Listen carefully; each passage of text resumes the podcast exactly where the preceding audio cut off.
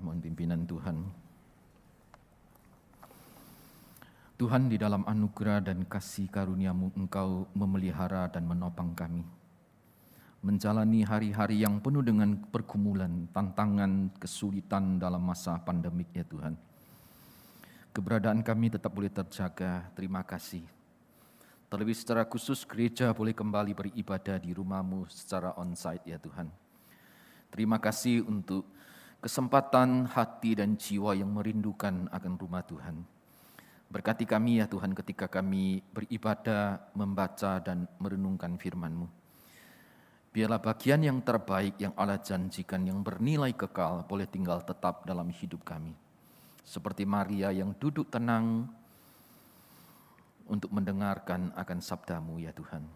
Pakai hambamu dalam segala kelemahan, biarlah nama Tuhan juga yang akan ditinggikan. Terpujilah engkau ya Tuhan, dalam nama Kristus Tuhan dan penebus kami yang hidup kami berdoa. Amin. Selamat pagi Bapak Ibu semuanya. Shalom. Puji Tuhan minggu ini kita bisa kembali beribadah secara onsite di rumah Tuhan. Secara khusus dalam rangkaian kita memperingati akan Jumat Agung. Mari Bapak Ibu kita akan melihat bagian firman Tuhan yang tertera gitu ya dari Injil Yohanes pasal yang pertama sebagaimana tema Jumat Agung minggu ini di mimbar Gloria secara keseluruhan. Jesus the Lamb of God gitu ya. Kita melihat dari Injil Yohanes pasal yang pertama ayat yang ke-29 dan ayat yang ke-36. Dua ayat ini ya Firman Tuhan berbunyi demikian. Pada keesokan harinya Yohanes Pembaptis melihat Yesus datang kepadanya dan ia berkata, Lihatlah anak domba Allah yang menghapus dosa dunia. Lalu kita lihat di ayat yang ke-36. Dan ketika ia melihat Yesus lewat, ia berkata, Lihatlah anak domba Allah. Bapak Ibu yang dikasih oleh Tuhan untuk mengawali uh, khotbah minggu ini ya, ya, Jumat ini saya tunjukkan sebuah gambar gitu ya. Ini satu berita headline yang terambil dari kompas.com gitu ya. Nah, seekor domba terjual 1,3 M. Nah, ini memang berita yang terjadi pada tahun 2011 yang lalu. Kalau sekarang saya kira-kira ya dengan euro yang ada, ini mungkin bukan 1,3. Bisa 1,6 M kira-kira gitu ya kurang lebih. Saya tidak tahu Bapak Ibu ketika melihat membaca judul headline begini ya. Seekor domba laku terjual 1,3. Anda mau beli enggak? Ada yang mau beli? Hah? Ada enggak? Enggak ya. Nah Bapak Ibu dikasih oleh Tuhan, saya percaya Anda berakal sehat gitu ya. Enggak akan beli. Domba ini laku terjual di dalam satu pameran agrobisnis gitu ya. Di daerah Irlandia waktu itu. Nah orang yang membeli ini adalah bernama Myver Evan. Dia adalah seorang peternak dari Scotland. Nah pada waktu itu dia menghadiri sebagai seorang pengusaha ternak gitu ya. Menghadiri pameran itu. Nah pada waktu itu ada seekor domba. Domba ini ada dikatakan keturunan dari Suffolk. Nah saya nggak tahu ini kenapa sak mahal begitu. Rata-rata pada waktu itu domba yang terbaik nilainya itu 2,4 juta uang Indonesia. Tapi ini laku 1,3 M. Nah Bapak Ibu kasih oleh Tuhan. Nah pada waktu dia membeli ini, tentunya semua orang bertanya gitu loh. Ada apa di balik domba ini? Kenapa rata-rata domba 2,4, ini laku 1,3 M? Ada apa di balik itu tentunya, kan ya? Sehingga domba ini bisa terjual sedemikian mahal gitu loh. Nah banyak orang berpikir dan bertanya gitu ya. Dan ini diberitakan gitu ya. Sehingga media Indonesia pun meliput dan memasukkan berita ini sebagai berita headline. Gitu. Nah, nah Bapak ini kasih oleh Tuhan di tengah-tengah perbincangan itu gitu ya. Yang membeli ini, peternak dari Scotland ini, Evan ini, dia mengatakan kalimat seperti ini. Tentunya yang bertanya ini bukan dirinya tok, termasuk bojoe, istri. Oh ngedan gue, bojoku iki. Domba salarang ini ditukuk gitu, gitu enggak? Ya. Enggak terima deh, betul enggak? Nah, Anda banyak ibu-ibu yang dampingi suami gitu ya. Kira-kira kalau beli domba atau beli mobil itu ya, yang Anda rasa ini enggak semahal begitu sejumlah gini, kira-kira pulang ngomel enggak? Ngomel, betul enggak ya? Nah, termasuk istrinya Evan itu ngomel. Tapi akhirnya dia ngomong begini. Nah ini kalimat pertama, itu kalimatnya Evan yang membeli ini, peternak dari Scotland ini. Dia ngomong begini, karena dia mengetahui domba ini di kemudian hari akan membawa kebaikan bagi peternakannya secara keseluruhan. Dia sebagai seorang peternak yang sudah malang melintang dalam dunia peternakan. Dia mengerti dengan baik jenis-jenis domba yang ada. Nah jenis yang dia beli 1,3 ini yang dia bilang keturunan Suffolk ini. Ini adalah satu jenis domba yang memang sangat unggul, sangat luar biasa. Nah kalau 1,3 gitu ya, kita buka kafe gitu ya, jadikan barbeque gitu ya. Satu porsi jual piro kira-kira gitu ya. Jadikan daging wagyu atau apa namanya gitu ya. Satu porsi piro ya. Nah saya nggak tahu gitu ya. Nah, tentu kita mungkin nggak nggak makan juga, salarang ngono. Nah di kemudian hari istrinya itu setelah melihat akan domba ini. Dia ngomong kalimat ini. Yang bawa itu ngomongan istrinya. Pembelian tersebut merupakan investasi. Satu domba jantan ini bisa menghasilkan seribu anak domba dengan nilai total satu juta euro. Kalau uang sekarang 15 miliar. Lebih. 15,5. Jadi ketika dia beli ini, dia nggak ngawur gitu. Dia tahu persis apa kelebihan domba ini dan apa yang akan dia raih di kemudian hari. Dia tahu domba ini akan membawa kebaikan bagi dirinya. Bagi usaha peternakan yang dia jalani. Dia tahu di kemudian hari, domba ini mendatangkan benefit yang lebih daripada yang dia bayangkan gitu. Sehingga dia rela, walaupun dia harus mengeluarkan uang sejumlah itu. Yang bagi engkau dan saya kelihatannya tidak masuk akal. Gitu.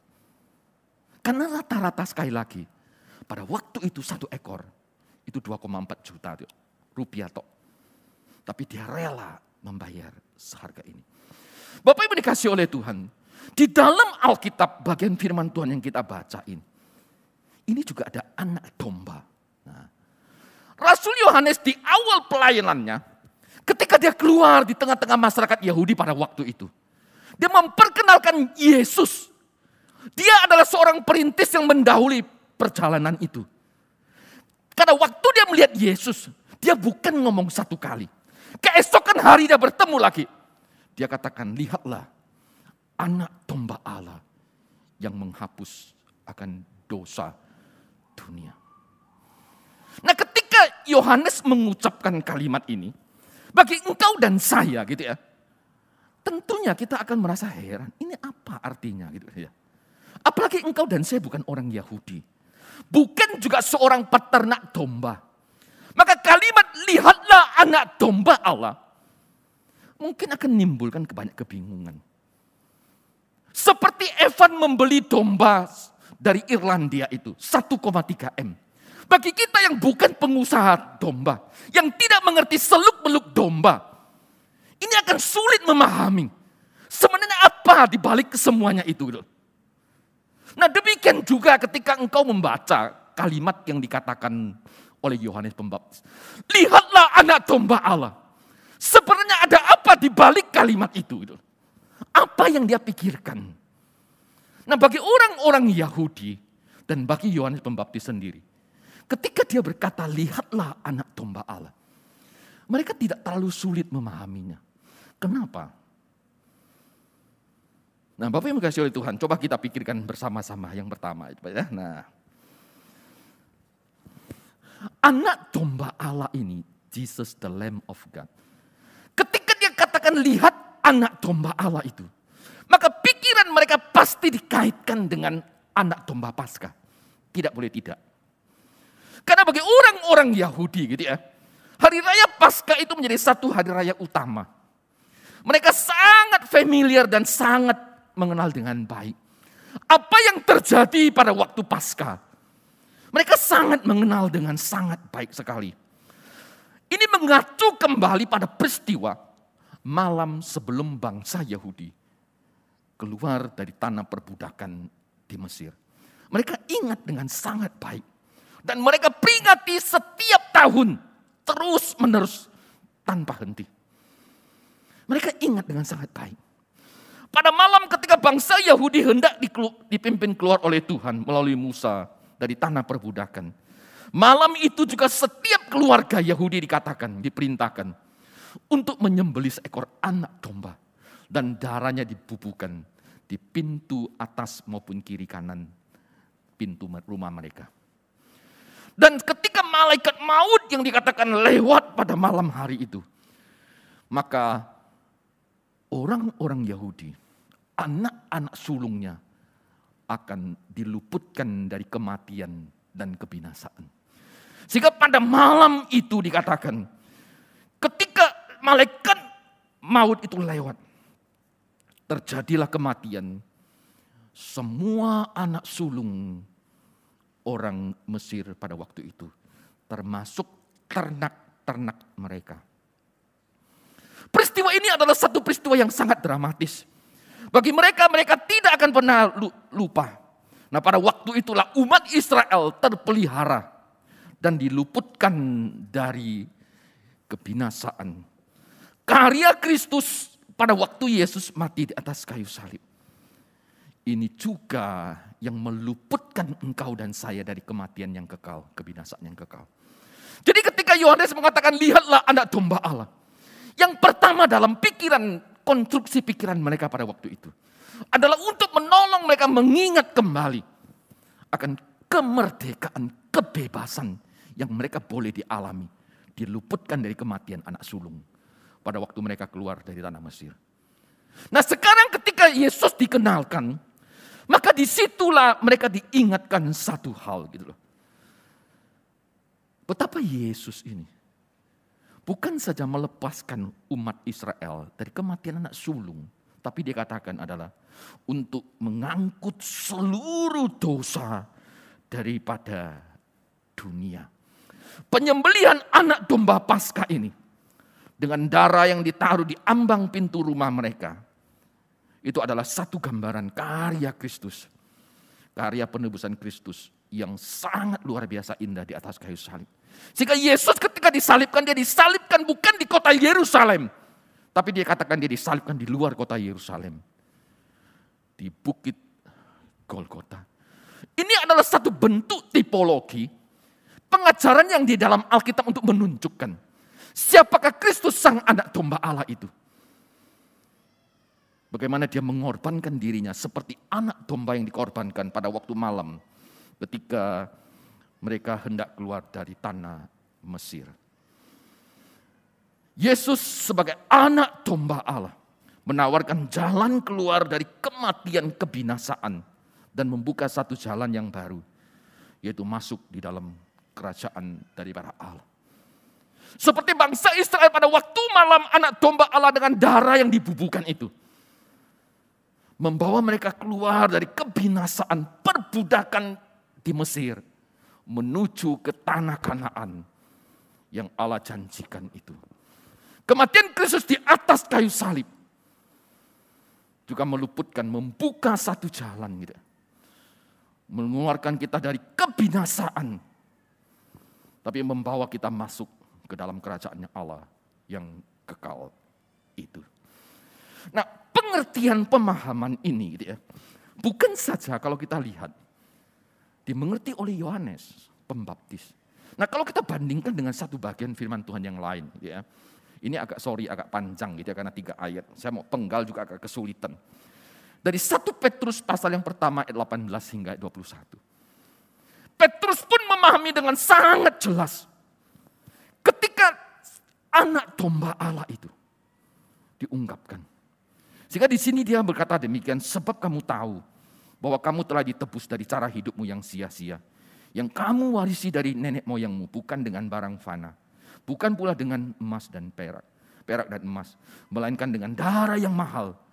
Darah Kristus yang sama seperti, yang sama seperti darah anak domba Allah. Jadi ketika Yohanes mengatakan, lihatlah anak domba Allah. Di dalam konstruksi berpikir orang-orang Yahudi, tidak boleh tidak. Pasti dikaitkan dengan peristiwa akan Paskah. Sehingga kematian Yesus dikatakan itu sama seperti darah daripada anak domba. Engkau dan saya sekarang ditebus. Seperti orang Yahudi ditebus dari tanah perbudakan. Engkau dan saya ditebus dari perbudakan dosa yang ada. Inilah pahat iman kita yang kita lihat Seperti darah anak domba yang telah meluputkan nenek moyang bangsa Yahudi dari kematian. Demikian pula darah Kristus yang dikorbankan di atas kayu salib. Meluputkan dan membebaskan manusia dari kematian yang kekal. Jadi di awal pelayanan Yohanes dia memperkenalkan. Adalah dengan satu misi ketika dia mengatakan Yesus Kristus anak domba Allah itu. Supaya manusia boleh dimerdekakan boleh diluputkan dari kematian supaya engkau dan saya memperoleh kehidupan yang kekal di dalam Kristus. Ini adalah satu bentuk tipologi dari bagaimana perbudakan Mesir menuju ke ketanakan. Dari perbudakan dosa menuju kanaan permai, yaitu kerajaan Allah itu sendiri. Itu yang dilakukan oleh Yesus Kristus di atas kayu salib. Sehingga Yohanes berseru, lihatlah anak domba Allah itu. Ini yang pertama. Lalu yang kedua, nah, ketika Yohanes Pembaptis mengatakan, lihatlah anak domba Allah, Jesus the Lamb of God. Ini dikaitkan dengan nubuat akan para nabi. Orang-orang Yahudi sejak kecil itu sangat familiar dengan perjanjian lama, dengan Taurat. Mereka sangat familiar sekali. Nah di dalam perjanjian lama, itu banyak sekali berbicara soal pengharapan mesianik. Nubuatan-nubuatan tentang Mesias. Dan ini di, diajarkan sejak mereka kecil. Dan mereka mempunyai pengharapan yang begitu luar biasa tentang Mesias itu. Nah persoalannya adalah Mesias yang bagaimana yang diharapkan itu. Nah kalau engkau dan saya perhatikan di dalam kitab Yeremia dan Yesaya, sebagian tadi sudah dibaca Pak Tim gitu ya di awal ibadah kita. Baik di dalam Yeremia 11 maupun Yesaya 53. Mesias yang dikenal, diperkenalkan adalah Mesias yang menderita. Di dalam bagian itu kalau engkau dan saya baca dikatakan Mesias itu diidentikan seperti seekor domba yang dibawa ke tempat pembantaian mulutnya menjadi keluh dan tidak berkata-kata. Orang-orang Yahudi memang punya pengharapan mesianik. Pengharapan mereka paling gampang adalah bagaimana Mesias ini bisa membebaskan mereka dari perbudakan penjajahan waktu itu, yaitu orang Romawi. Itu yang paling simpel yang ada dalam diri mereka. Tapi mereka lupa melihat dari satu sisi yang lain. Mesias itu bukan datang sebagai seorang raja, panglima perang begitu. Ada satu sisi yang lain yang ditunjukkan. Baik di dalam kitab Yesaya maupun Yeremia. Justru Mesias yang dikenalkan ini adalah Mesias yang menderita. Maka ketika dia katakan lihatlah anak domba Allah. Ini bicara soal konsep pengorbanan yang dilakukan oleh sang Mesias untuk menggenapkan semua yang dikatakan di dalam kitab para nabi. Setiap bagian perjalanan hidup, tidak ada bagian yang tidak menggenapi akan nubuat perjanjian lama. Mulai dari kelahirannya. Semuanya itu. Kehidupannya, peristiwa pada waktu dia disalibkan, dia bangkit. Semuanya itu dibicarakan. Maka ketika Yohanes mengatakan lihat anak domba Allah. Yohanes Pembaptis ingin memperkenalkan satu sisi yang agak berbeda. Yang mereka mungkin tidak terlalu perhatikan atau mereka abaikan. Yaitu hamba yang menderita itu. Sehingga dia katakan seperti anak domba yang dibawa ke tempat pembantaian. Ini tidak populer kalau kita kaitkan dengan mesianik yang menang. Tidak populer. Tetapi itulah yang ditunjukkan oleh Yohanes Pembaptis di dalam bagian ini. Sehingga kalau engkau dan saya dikaitkan, frase berikutnya dia katakan, yang menghapus dosa dunia. Jadi ketika dia mengatakan anak domba Allah yang menggenapkan. Maka frase berikutnya dikatakan menghapus dosa dunia. Supaya apa? Supaya mereka itu tidak berpikir kembali kepada konsep mesianik seperti seorang pahlawan. Nah ketika dia mengatakan menghapus dosa dunia. Maka ini tidak boleh tidak akan kembali kepada Yeremia 11 maupun Yesaya 53. Nah, di dalam sejarah perkembangan gereja di kemudian hari, kita juga akan melihat konsep yang sama. Ini kisah pasal yang ke-8. Setelah gereja berkembang, penganiayaan sudah mulai. Ada seorang sida-sida datang ke Yerusalem yang pada waktu itu dalam perjalanan merayakan Paskah di Yerusalem. Dalam perjalanan pulang itulah. Mereka terus membaca, terus membaca yang dibaca adalah Yesaya 53. Tetapi dia nggak mengerti gitu. Sebenarnya ini siapa itu? Ya. Seperti engkau dan saya melihat Evan membeli akan domba itu. Kita nggak ngerti sebenarnya ada apa itu. Nah, sida-sida di Ethiopia ini juga tidak tahu. Dia penganut agama Yahudi pada waktu itu. Nah pada waktu itulah roh Tuhan memimpin Filipus untuk bertemu dengan sida-sida ini. Pada waktu dia bertemu, Filipus bertanya, mengertikah engkau? Sida-sida itu mengatakan, aku nggak tahu. Sebenarnya tentang siapakah? Yesaya ini berbicara. Nah dari letak ayat itu, Yesaya 53 itu. Yang kita bisa baca dalam kisah pasal yang ke-8 ayat 32 dan 33. Seperti anak domba yang dibawa ke pembantaian. Seperti anak domba yang keluh di depan orang yang menggunting bulunya. Demikianlah ia tidak membuka mulutnya. Dalam kehinaannya berlangsung hukumannya. Siapa yang menceritakan asal usulnya, sebab nyawanya diambil dari bumi. Dari ayat ini yang dia baca, Filipus menyimpulkan satu pribadi, yaitu Yesus. Setelah dijelaskan oleh Filipus, Filipus menantang sida-sida ini. Maukah engkau percaya? Maka Alkitab mengatakan di dalam kisah pasal yang ke-8 bagian terakhir. Sida-sida itu mengatakan, ya saya mau percaya. Dan waktu itu juga ia dibaptiskan. Jadi seluruh rangkaian gitu ya kalau engkau dan saya lihat. Peristiwa penyalipan Yesus di atas kayu salib itu adalah dikaitkan dengan penggenapan. Baik yang ada di dalam kitab Yeremia maupun kitab Yesaya. Maka ketika sida-sida itu membaca, Filipus pada waktu dipimpin oleh roh Tuhan untuk menuntun dia. Untuk menjelaskan ayat ini. Dari Yesaya 53. Jadi di dalam pemikiran orang-orang Yahudi pada waktu itu, Yohanes secara khusus. Dia tahu anak domba Allah itu adalah datang untuk menggenapkan apa yang diajarkan oleh para nabi.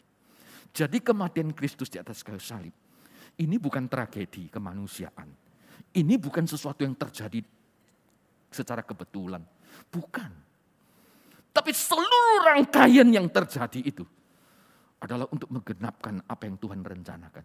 Sejak awal bagi umat Israel dan bagi engkau umat tebusannya. Domba Paskah itu selalu dikorbankan berulang-ulang setiap tahunnya. Tapi kematian Kristus di atas kayu salib adalah satu kali untuk selama-lamanya. Ini bisa kita baca di dalam surat Ibrani maupun surat Petrus. Satu kali adalah untuk selama-lamanya. Ini yang kedua. Lalu yang ketiga gitu ya. Jesus the Lamb of God. Ini adalah dikaitkan dengan kemenangan. Bapak Ibu dikasih oleh Tuhan, tema pasca kita tahun ini adalah From Suffering to Glory. Dari penderitaan menuju kepada kemuliaan. Pada waktu Yohanes Pembaptis mengatakan, lihatlah anak domba Allah. Sebenarnya inti di balik itu adalah untuk menolong kita melihat seperti tema ini. From suffering menuju to glory.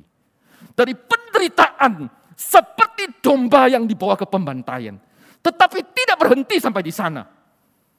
Tapi dia juga menolong kita untuk melihat bahwa anak domba Allah ini adalah anak domba yang menang. Kalau engkau dan saya membaca di dalam kitab Wahyu gitu ya. Kitab Wahyu ini banyak muncul terminologi anak domba. 30 kali. 28 kali itu langsung dikaitkan dengan pribadi Kristus. Di balik kaitan itu, pengajaran itu, setiap kali dia berbicara bahwa Yesus adalah anak domba Allah. Maka engkau baca semuanya. Kesimpulan yang nomor satu. Dia katakan anak domba yang ada itu adalah anak domba Allah yang menang. Bagi masyarakat pada waktu itu pemimpin agama, tokoh-tokoh Sanhedrin. Ketika Yesus mati di atas kayu salib. Bagi mereka itu kekalahan, habis sudah. Karena salib pada waktu itu identik dengan kutuk. Salib itu identik dengan kehinaan. Sesuatu aib yang begitu memalukan. Maka pada waktu orang disalibkan, maka semuanya berakhir. Kisahnya pasti berakhir. Tetapi Yohanes Pembaptis melihat, ketika dia bicara soal Yesus sang anak domba Allah itu, satu sisi dia menekankan memang bicara soal domba pasca. Tetapi di sisi yang lain dia menolong kita untuk melihat Peristiwa ini bukan akhir kekalahan. Seperti yang dibayangkan oleh pemimpin agama Yahudi pada waktu itu. Ternyata setelah kematian Kristus ada kebangkitan. Di situlah justru awal bangkitnya kekesenan. Yohanes, Rasul Yohanes untuk menolong kita, untuk melihat gitu. Satu sisi kita memang mengingat ketika istilah anak domba Allah the Lamb of God ini pada peristiwa yang lampau. Tapi di sisi yang lain dia ingin menolong kita untuk melihat. Seperti Rasul Yohanes melihat. Anak domba Allah adalah anak domba yang menang. Nah oleh karena pengharapan keyakinan iman seperti ini. Kenapa para rasul, gereja Tuhan mula-mula, mereka rela menjadi martir. Mendedikasikan akan hidupnya bagi Tuhan kalau pengharapan iman mereka hanya kepada salib saja berhenti sampai di sana. Maka seperti Paulus katakan, sia-sialah imanmu dan sia-sia imanku. Sia-sia ketekunanmu dan sia-sia ketekunan saya. Tetapi yang benar, firman Tuhan mengatakan, justru melalui kematian itu, itulah kemenangannya. Karena penglihatan inilah, maka Rasul Yohanes, mereka mendedikasikan hidupnya bagi Tuhan. Mereka setia, rela menjadi martir bagi Tuhan. Para murid mempunyai pengharapan iman yang sama. Karena setiap kali bicara soal Yesus sang anak domba Allah itu. Dia adalah anak domba Allah yang berkemenangan. Lihatlah anak domba Allah. Ini adalah sebuah seruan yang dikaitkan kalau kita lihat pada zaman itu dengan domba jantan yang bertanduk yang mengepalai kawanan domba yang lain. Jadi anak domba Allah ini, ini bukan sekedar anak domba Allah. Tapi kata anak domba ini, Allah ini adalah dikaitkan, mempunyai pengertian adalah anak domba Allah yang bertanduk yang menjadi leader, pemimpin dari seluruh kawanan domba Allah. Maka di dalam kitab Wahyu pasal yang kelima ayat yang keenam, ketika Rasul Yohanes melihat Yesus sang anak domba itu, Maka di situ muncul satu istilah yang tersembeli dan yang bertanduk tujuh. Menggambarkan satu bentuk pemerintahan, kepemimpinan yang sempurna ada pada diri Yesus. Jadi kemenangan Kristus ini menjadi dasar kepada engkau dan sebagai saya. Di dalam bertekun. Di dalam kita beribadah. Dan mendedikasikan hidup kita kepada Tuhan. Apa yang dilihat oleh Yohanes di Pulau Patmos ketika dia menuliskan kitab Wahyu ini. Dia menulis dengan sangat luar biasa. Anak domba yang disembeli itu dia katakan apa? Layak menerima kuasa, kekayaan, hikmat, kekuatan, hormat, kemuliaan, dan puji-pujian sampai selama-lamanya. Wahyu pasal yang kelima, ayat yang ke-12. From suffering to glory. Anak domba yang tersembeli ini dia katakan, ini adalah satu bentuk pengorbanan, kehinaan. Tapi justru dari pengorbanan kehinaan itu, dia katakan dia layak menerima. Semua atribut yang disebutkan itu adalah untuk menggambarkan satu bentuk kemuliaan yang begitu sangat amat. Sehingga di sini ada kuasa, ada kekayaan, ada hikmat, ada kekuatan, hormat, kemuliaan, dan puji-pujian. Itu melekat. Atribut itu melekat pada diri sang anak domba Allah, yaitu Yesus Kristus. Bapak Ibu yang dikasih oleh Tuhan, anak domba Allah ini di sisi yang lain, Yohanes juga ungkapkan Inilah seluruh pengharapan mesianik kita kita taruhkan. Pada waktu awal pelayanan Yesus sampai kematiannya. Seolah-olah pengharapan mesianik itu menjadi gagal gitu Karena memang di sisi yang lain, mesianik itu diidentikan dengan raja. Dengan pemimpin, dengan kemenangan. Yohanes di dalam penglihatannya mengatakan, enggak, enggak gagal. Karena akan tiba waktunya. Sehingga dia katakan anak domba itu adalah raja di atas segala raja. Tuhan di atas segala Tuhan. Yohanes pasal yang ke-17.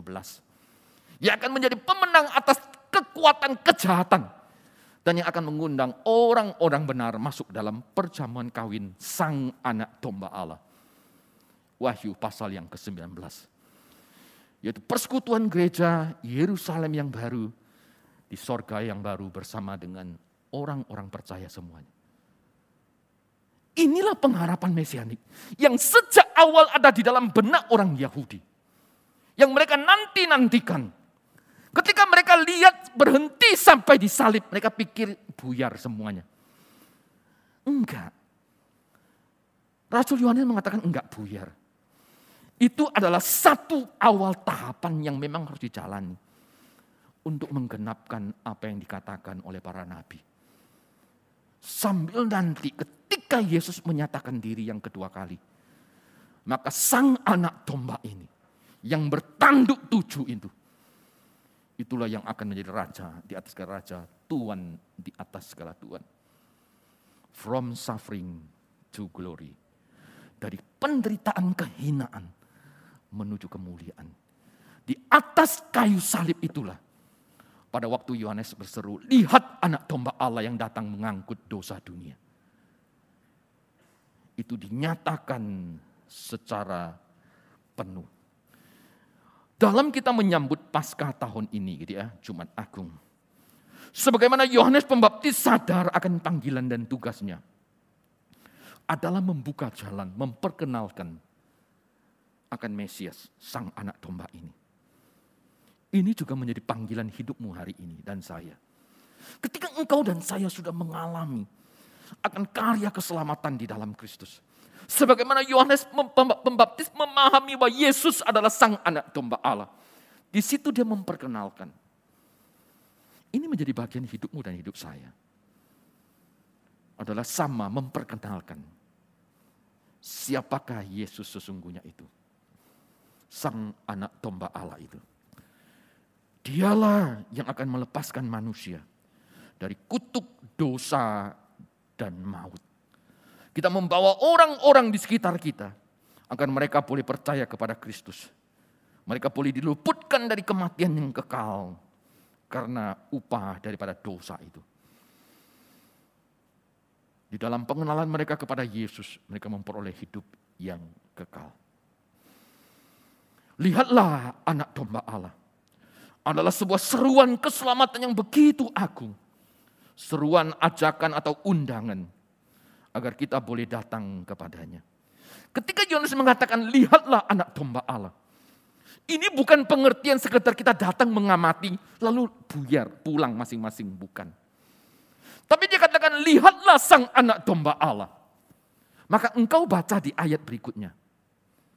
Nah pada awal itulah, Yohanes Pembaptis menyerahkan murid-muridnya. Andreas, Yohanes, dikatakan Petrus. Waktu itu mereka langsung mengikut akan Yesus. Jadi kita dia katakan, lihatlah anak domba Allah. Bukan sekedar lihat toh amat-amati enggak. Tapi di situ ada satu komitmen hidup yang mereka ambil. Maka Alkitab mengatakan sejak saat itu mereka mengikut akan Yesus. Termasuk kalau engkau baca di bawah ada Nathanael, ada Filipus.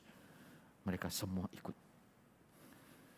Yohanes memperkenalkan adalah supaya semua orang boleh ikut. Demikian juga hari ini. Ketika kita memahami konsep anak domba Allah itu, sebuah undangan untuk datang kepada Yesus, mengalami karya penebusannya, dan kita menyembah kepada Dia. Karena memang Dia yang layak menerima kekayaan, hikmat, kuasa, kekuatan, hormat, kemuliaan, dan pujian sampai selama-lamanya. Evan membeli domba di Irlandia engkau tidak akan mengerti. Kecuali engkau memang bergaul akrab dengan domba itu. Engkau mengerti dengan baik liku-liku dunia tentang domba itu. Baru engkau tahu kenapa dia rela. Demikian juga hari ini. Ketika Yohanes Pembaptis mengenalkan Yesus sang anak domba Allah. Kenapa Petrus, Yohanes, Andres, Filipus, Nathanael mereka rela ikut? Karena mereka tahu Ketika Yohanes mengatakan anak domba Allah ini. Mereka tahu yang ada dalam pikiran mereka. Sang anak domba ini bukan saja hadir memberikan kebaikan. Lebih daripada itu adalah memberikan keselamatan kepada mereka. Sang anak domba yang menebus hidup mereka dari perbudakan dosa. Sehingga mereka ikut kepadanya. Dia bukan anak domba Allah yang kalah, tapi anak domba yang menang. Dari penderitaan menuju kemuliaan. Rasul Yohanes melihat dengan sangat jelas. Untuk itu mereka bertekun. Dan maukah engkau dan saya juga bertekun dalam pengalaman iman yang sama. Lihatlah anak domba Allah seruan undangan untuk ikut dia. Maukah engkau ikut dia sepanjang umur yang kita jalani bersama? Amin. Mari kita berdoa.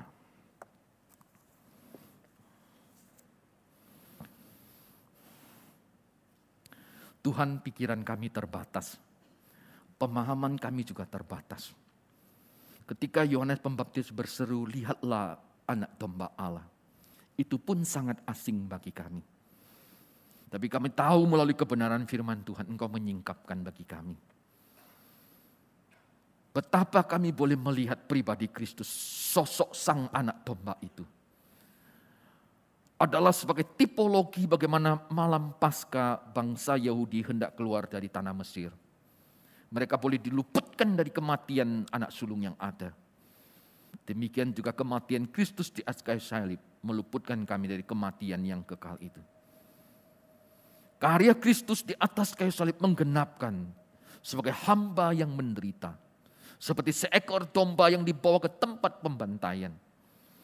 Itu bukan kekalahannya Tuhan. Secara manusia kami mungkin melihat itu adalah awal kekalahan. Karena salib identik ya Tuhan dengan kutuk, dengan kehinaan. Tapi justru titik itu menjadi titik awal yang baru untuk meraih kemenangan. Dari penderitaan menuju kepada kemuliaan. Inilah yang dilihat oleh Rasul Yohanes. Kami bersyukur untuk penglihatan itu ya Tuhan. Dan untuk penglihatan itulah kami menaruh pengharapan iman kami. Kami bertekun di dalam iman kami. Seperti para murid yang bertekun. Mereka rela menjadi martir Tuhan karena tahu Sang anak domba Allah, Raja di atas segala Raja, Tuhan di atas segala Tuhan, Yesus Kristus.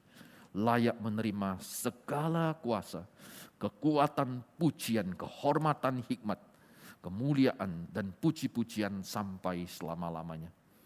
Dan semua makhluk akan bertukut lutut menyembah Yesus Kristus adalah Tuhan. Tuhan adanya. Pimpin kami ya Tuhan, peliharalah iman kami dan pengharapan iman kami Terlebih di tengah-tengah masa yang tidak mudah ini ya Tuhan, Tuhan jaga kami. Di dalam nama Yesus kami berdoa. Amin.